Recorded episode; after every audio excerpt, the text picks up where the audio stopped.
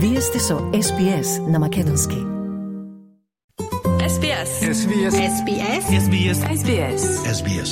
SBS Radio. Господине Вртковски, се ближи а крајот на јануари и одржувањето на традиционалниот македонски фудбалски куп Масо Куп. Па еве за почеток од разговорот за слушателите на СБС радио да ни кажете како течат подготовките.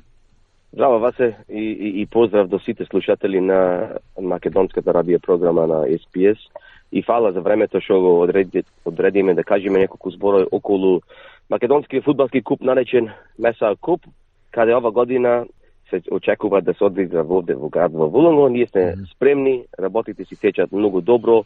Купот стварно ќе биде еден од најголемите досега од, од кој е започнат во 2008 година. Многу екипи, многу тимови, многу дивизии и доста утакмици, значи сме подготвени, работите се течат многу добро. Сега да почне фудбало идниот четврток започнуваме со утакмици. Да, ќе видиме сега, ќе слушнеме во продолжение кои екипи, во кои дивизии. Меѓутоа за почеток, значи купот се одржа од 25 до 28 јануари, а колку што ми е познато ќе се играт на терените на Маседонија парк и на Кринџила Lions, ми се чини. Да, да, тоа е точно. Купот ќе започне во четврток на вечер на 25 јануар, каде ќе имаме четири утакмици во Македонскиот парк во Беркли. Во петоко, на денот на Австралија, значи празник, неработен ден, ќе се играт утакмици на две а, игралишта, тоа е исто пак во Македонскиот парк во Беркли, заедно со нашите пријатели во Кринџила, во Крејен парк. Значи, таму има две ута, а, игралишта, исто е кај нас имаме две игралишта, значи на четири игралишта преку цел ден во петоко ќе има доста утакмици. Во саботата утакмиците ќе продолжат во Македонскиот парк во Беркли, каде ќе се игра финалето на првата дивизија, втората дивизија и мажи над 35 години, а во неделата финалето и полуфинале за децата испод 20 години и женските во Криен парк. Значи утакмиците се поделени на две а, а, игралишта а, и ќе има доста утакмици за нашите навивачи, сапортери на фудбалот, каде што сака да потпатуваат сварно еден добар фудбал. Да, многу утакмици, многу екипи, веројатно да, малку и тешко сето тоа да се организира со заеднички сили, сепак со луѓето, со волонтерите од Кринџила Lions, Wollongong United, се надам дека ќе помине се во најдобар ред. Да, тоа е точно, еве, ние знаевме дека ќе се биде волуно пред една година, значи лани турнеро се изигра во Нукастел и после турнеро се одлучи дека ќе биде во Вулонго и ние од тоа време се припремаме. Има доста работи што мора да се спремат. Како што реков, имаме 16 екипи се насе, а, ше- 16 клубови ќе идат, Да. а се насе се 35 екипи. Значи, некои клубови носат по 3-4 а, башка тимови во башка дивизии и значи треба да се снабда, треба распоредот да се направи, идат во башки вре, башка време, некој са бајле, некој навечери, значи голема работа, ама можам да кажам со, со задоволство дека еве пристигаме до крај, а, е, сме готови, чекаме да, да свидни судијата и да почнеме четврток во 7 сата на вечер.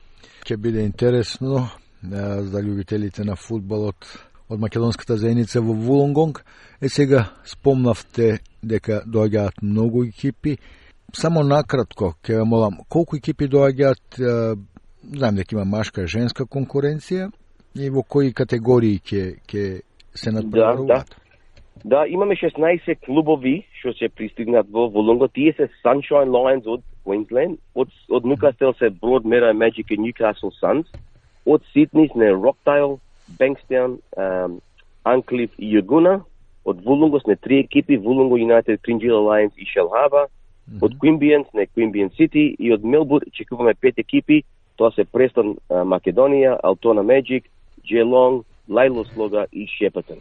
Значи 16 клубови, се нас е 35 екипи, пет дивизии, значи во мажи прва дивизија, втора дивизија, над 35 години, испод 20 години и во женски дивизии. Значи тие се петте дивизии што се ќе се играт на тие 4 дена.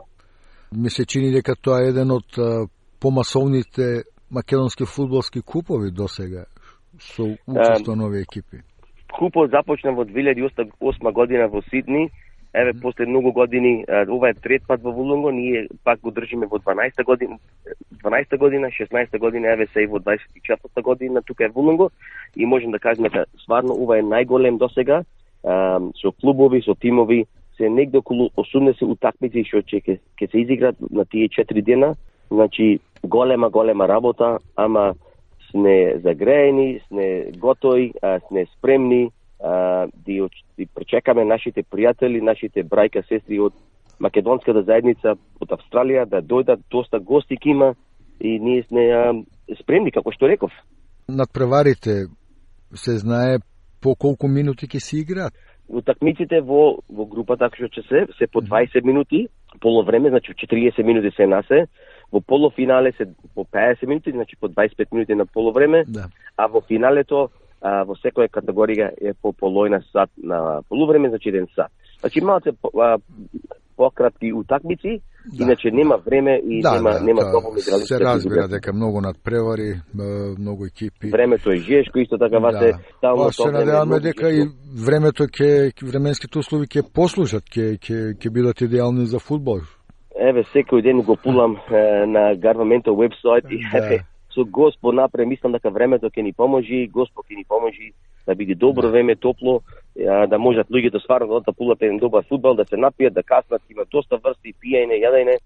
Овие настани покрај фудбалот повеќе се задружени меѓу членовите на македонската заедница, меѓутоа традиционално на секој фудбалски клуб по завршувањето се одржува и она традиционална прослава на вечер за сите фудбалери, за сите членови на управата, за посетителите. Ќе биде тоа застапено и годинава во Булонгон? Да, тоа е точно. Во саботата на вечер ќе се игра, ќе има гала бол гранка, каде сите екипи ќе присустват. Таму ќе имаме македонска музика, добра добра вечера припремена од Sun Lounge Function and Reception Center, тоа е македонски центар на општината Свети Димитрија. Значи сите клубови ќе пристигнат на таа вечер, ќе се воселиме, најважно да се видиме, да се прославиме, да да, да биде еден еден добар начин каде сите ќе се видиме, можеме да се да поиграт луѓето да да, да, да се повеселат. Да. Ќе биде многу добро, да. Е сега пред да ви кажам благодарам уште една само да да повториме кога започнуваат надпреварите, првиот надпревар и кога се игра она големо, големото финале, она завршното, завршниот да. Направ. Значи, идниот четврток, 25 јануар, започнува турнирот во Македонскиот парк. Првата утакмица е во 7 сато вечерта. Таа вечер ќе има 4 утакмици. Петок цел ден на две игралишта во Македонскиот парк и во Кроен парк во Кринджила. Во саботата финалето на првата дивизија, значи најголемата дивизија, првата дивизија е во 4 сато во Македонскиот парк. Да. Значи, негде околу 5 и пол 6 ке завршиме, а игранката започнува во 7 вечерта во Сан Леонч. Во неделата ќе има финалето за децата и жените, тие се во 12 сато и 1 сато после ручек во Кринджила Кроен Парк. Господине Вртковски, ви благодарам за овие информации. Се надам дека Македонскиот фудбалски клуб кој е во организација на Булунгонг Юнайтед и Кринджила Лајонс ќе помине во најдобар ред со добра посетеност и дружење на фудбалерите и екипите од македонската зеница. Благодарам за разговорот. Фала Васе и ве чекувам во голем број кој сака слободно елате, видете и ќе се видиме во Булунго. Благодарам. SBS. SBS. SBS. SBS. SBS. SBS. SBS Radio.